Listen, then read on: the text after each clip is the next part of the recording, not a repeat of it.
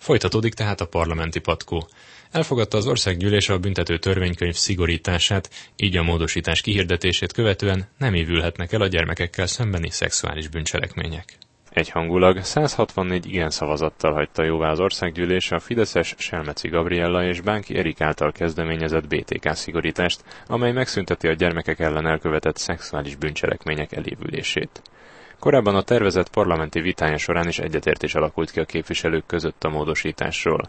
Selmeci Gabriella akkor azzal érvelt, hogy a gyermekek vagy más kiszolgáltatott személyek sérelmére elkövetett bűncselekmények esetében évtizedek is eltelhetnek, mire a hatóságok tudomást szereznek a történtekről. A nyáron kirobbant, a média által kirobbantott pedofil ügy világított rá arra, hogy lehetnek még olyan kiskorúak sérelmére elkövetett szexuális indítatású bűncselekmények, amelyeknek az elkövetőit nem tudja az igazságszolgáltatás megbüntetni, mert hogy a bűncselekmény a hatályos szabályozás miatt elévült. Selmeci Gabriella a 25 évvel ezelőtt diákjait molesztáló gimnáziumi magyar tanár esetére a sípos ügyre utalt, amelyet júliusban írt meg a 444.hu. Répesi Robert, az igazságügyi minisztérium államtitkára a kormány nevében támogatta a javaslatot. Nem csak a gyermekeket védi, hanem azokat a nagykorú személyeket is, akik kiszolgáltatott helyzetben vannak, például beosztottként, eltartottként, diákként, hallgatóként, tanulósportolóként, betegként, ápoltként, gondozottként. A vitában felszólaló szocialista politikusok támogathatónak nevezték a tervezetet, ugyanakkor Bárándi Gergely hangsúlyozta, másképp is elérhető, hogy ne évüljenek el ezek a bűncselekmények. Mondjuk a szexuális erőszaknak a gyermekkorúak sérelmére elkövetett, minősített eseteit mondjuk lehetne életfogytig tartó szabadságvesztéssel is büntetni. A jobbikos Vágósebestyén szintén támogatta a szigorítást. Mindenfajta szigorítást is támogatunk, ami az ilyen elkövetőkkel szemben életbe léphet. Ahogy az LNP és Ikotics Istvánnak sem volt kifogása a módosítás ellen, csupán keves lette. A BTK szigorítása nem elégséges. A legfontosabb az volna, hogy a folyamatban lévő esetek is napvilágra kerüljenek, és a további károkozást az azonnali közlelépéssel meg lehessen akadályozni. Az elfogadott törvénymódosítása kihirdetését követő 30. napon lép hatályba.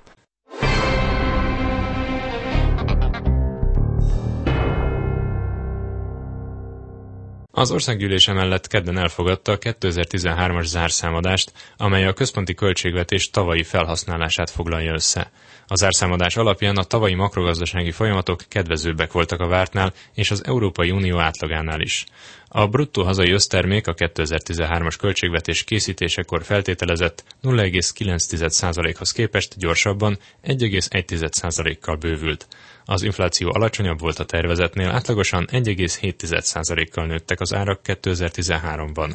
Az Európai Unió módszertana szerint számított adósságráta 79,8%-ról 79,2%-ra mérséklődött.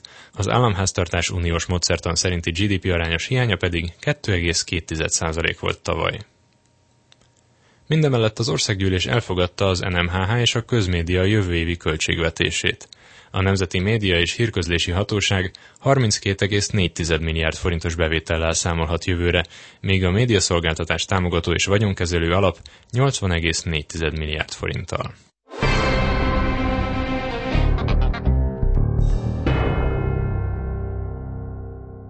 Leszavazta az országgyűlés kormánypárti többsége az LMP javaslatát az akta nyilvánosságról. Az ökopárt kizárta volna a politikai elitből azokat, akik vezetők voltak a kommunista rendszerben. Sífer Andrást az LMP parlamenti frakció vezetőjét hallják.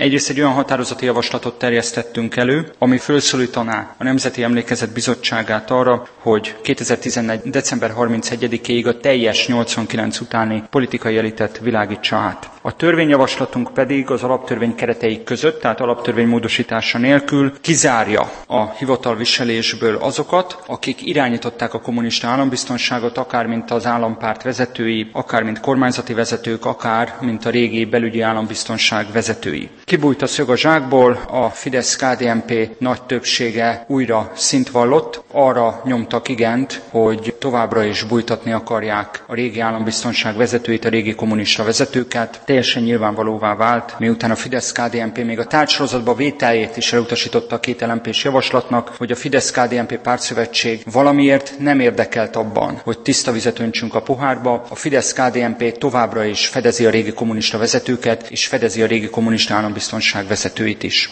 Schiffer Andrást, az LNP parlamenti frakcióvezetőjét hallották. Érdekességek az országgyűlés történetéből Herceg Sándor politológustól, a Rádió 7 munkatársától.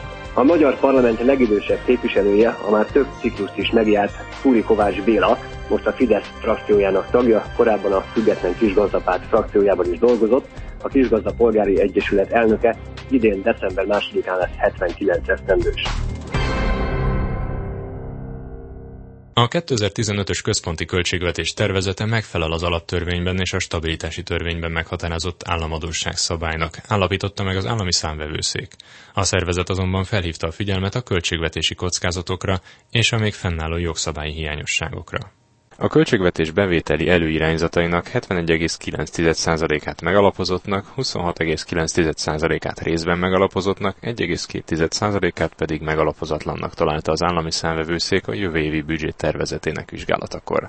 A törvényjavaslat megfelel az alaptörvénynek, a stabilitási törvénynek, az államadóság szabálynak és rendelkezik a tartalékokról is, összegezte a szervezet megállapításait Domokos László, az állami számvevőszék elnöke. Az Európai Uniós módszertan szerinti úgynevezett EDP szerint számított 2,4%-os GDP arányos hiánycél önmagában 200 milliárd forinttal alatta marad az uniós és hazai jogszabályokban rögzített követelményeknek, ez a 0,6% ezt az összeget jelenti.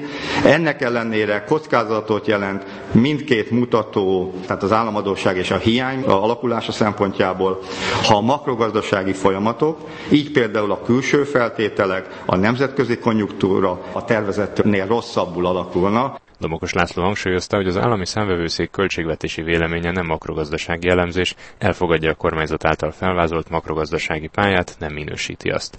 A tartalékokat vizsgálva a számvevőszék megállapította, hogy 332,9 milliárd forinttal számolt a kormányzat. Ebből a 100 milliárd forintos rendkívüli kormányzati intézkedésekre szolgáló tartalékot megalapozottnak, a 60 milliárd forintos országvédelmi alapot azonban csak részben megalapozottnak tartja a szervezet, mivel a törvényjavaslat indoklása nem tartalmazza, hogy előirányzatának meghatározásánál milyen jellegű és mértékű kockázatokkal számoltak. Pulai Gyula, a számvevőszék felügyeleti vezetője kiemelte, hogy az adóbevételek ügyében is láttak kockázatokat. Egy új bevétel ritkán hozza azt a tervet, amit a javaslattevők vele szemben támasztanak. Ugye ebben az esetben viszonylag jelentős növekedést tervez a kormányzata EU díjból, a ÁFA kapcsolatos különböző megszigorító intézkedésekből a kisvállalkozások adójában továbbra is felfutással számolt, tehát ezeket a kockázatokat mi azonosítottuk, és ezekre egy számszerű beslést itt adtuk, hogy körülbelül mekkora kockázatról van itt tulajdonképpen szó. Az internet használattal kapcsolatos adó visszavonása pedig 25 milliárd forintos lyukat ütött a költségvetésen, hisz a benyújtott tervezet még számolt vele, tette hozzá Pulai Gyula. Rogán Antal a Fidesz frakció vezetője egyébként korábban közölte, hogy ezt a hiányt a tartalékokból finanszírozhatja a kormányzat. Domokos László kitért arra is, hogy néhány területen beazonosíthatók a korábbi évek strukturális döntéseinek áthúzódó hatásai, hisz megtakarítás látható a korhatár előtti nyugdíjazások megszüntetése és a gyógyszertámogatási rendszer átalakítása miatt is.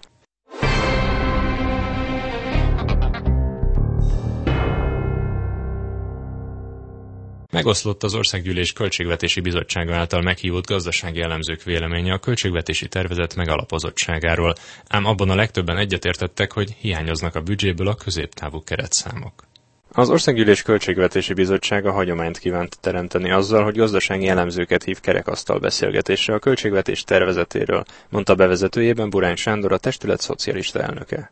Oblat Gábor a Tudományos Akadémia Közgazdaság és Regionális Tudományi Kutatóközpontjának nyugalmazott tudományos főmunkatársa felszólalásában leginkább a költségvetés középtávú szemléletét hiányolta a tervezetből. Nem tudjuk egyrészt, hogy mit tervez csinálni a kormány, a későbbiekben másrészt pedig az sem, hogy milyen víziója van arról, hogy a gazdaságot milyen folyamatok jellemzik. Palóc Éva, a Kopintárki Konjunktúra Kutatóintézet ZRT vezérigazgatója a költségvetési tervezet által felvázolt makropályát megalapozottnak tartotta, ám nem értette egyet az állami apparátus fenntartási költségeinek növelésével a csökkenő szociális kiadások mellett annak végképp semmi értelme nincsen, hogy az adókat évente 5-10-20-25 milliárd forintos bevételeket ide-oda toligálják. Ennek részben a költségvetési hatása viszonylag csekély, a reálgazdasági hatása viszont igen súlyos lehet. Barca György, a századai gazdaságkutató ZRT vezető elemzője viszont aláhúzta, hogy 2010 óta a kormány minden évben 3% alatt tartotta a hiányt, bár minden évben a jelenlegihez hasonlóan pessimistábbak voltak a költségvetés várakozásainál a növekedésre és a hiányra vonatkozó elképzelések.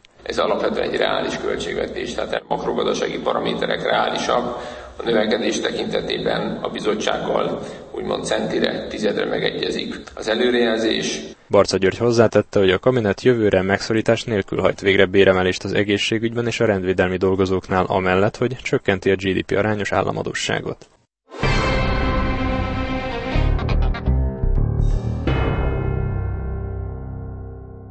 Bár a Nemzeti Adó és Vámhivatal elnöke, Vida Ildikó angol nyelvtudás hiány megpróbálta a Hír TV kamerája előtt kérdőre vonni André Gutfrendet, az Egyesült Államok ideiglenes budapesti ügyvivőjét az amerikai követség előtt, a magazinunkban többször is tárgyalt amerikai kitiltás ügyben nem történt a héten előrelépés, ezért a kormányoldal és az ellenzék is parlamenti bizottság előtt hallgatná meg a budapesti ügyvivőt. A KDNP műsorunkban múlt héten gorcső alá vett az áruházak vasárnapi nyitvatartását korlátozó javaslatáról pedig a kormány folytatja az egyeztetéseket. Az elmúlt fél órában a parlamenti patkót, az Inforádió országgyűlési magazinját és benne Sigmond Erpedot hallották. Tartsanak velem jövő héten is!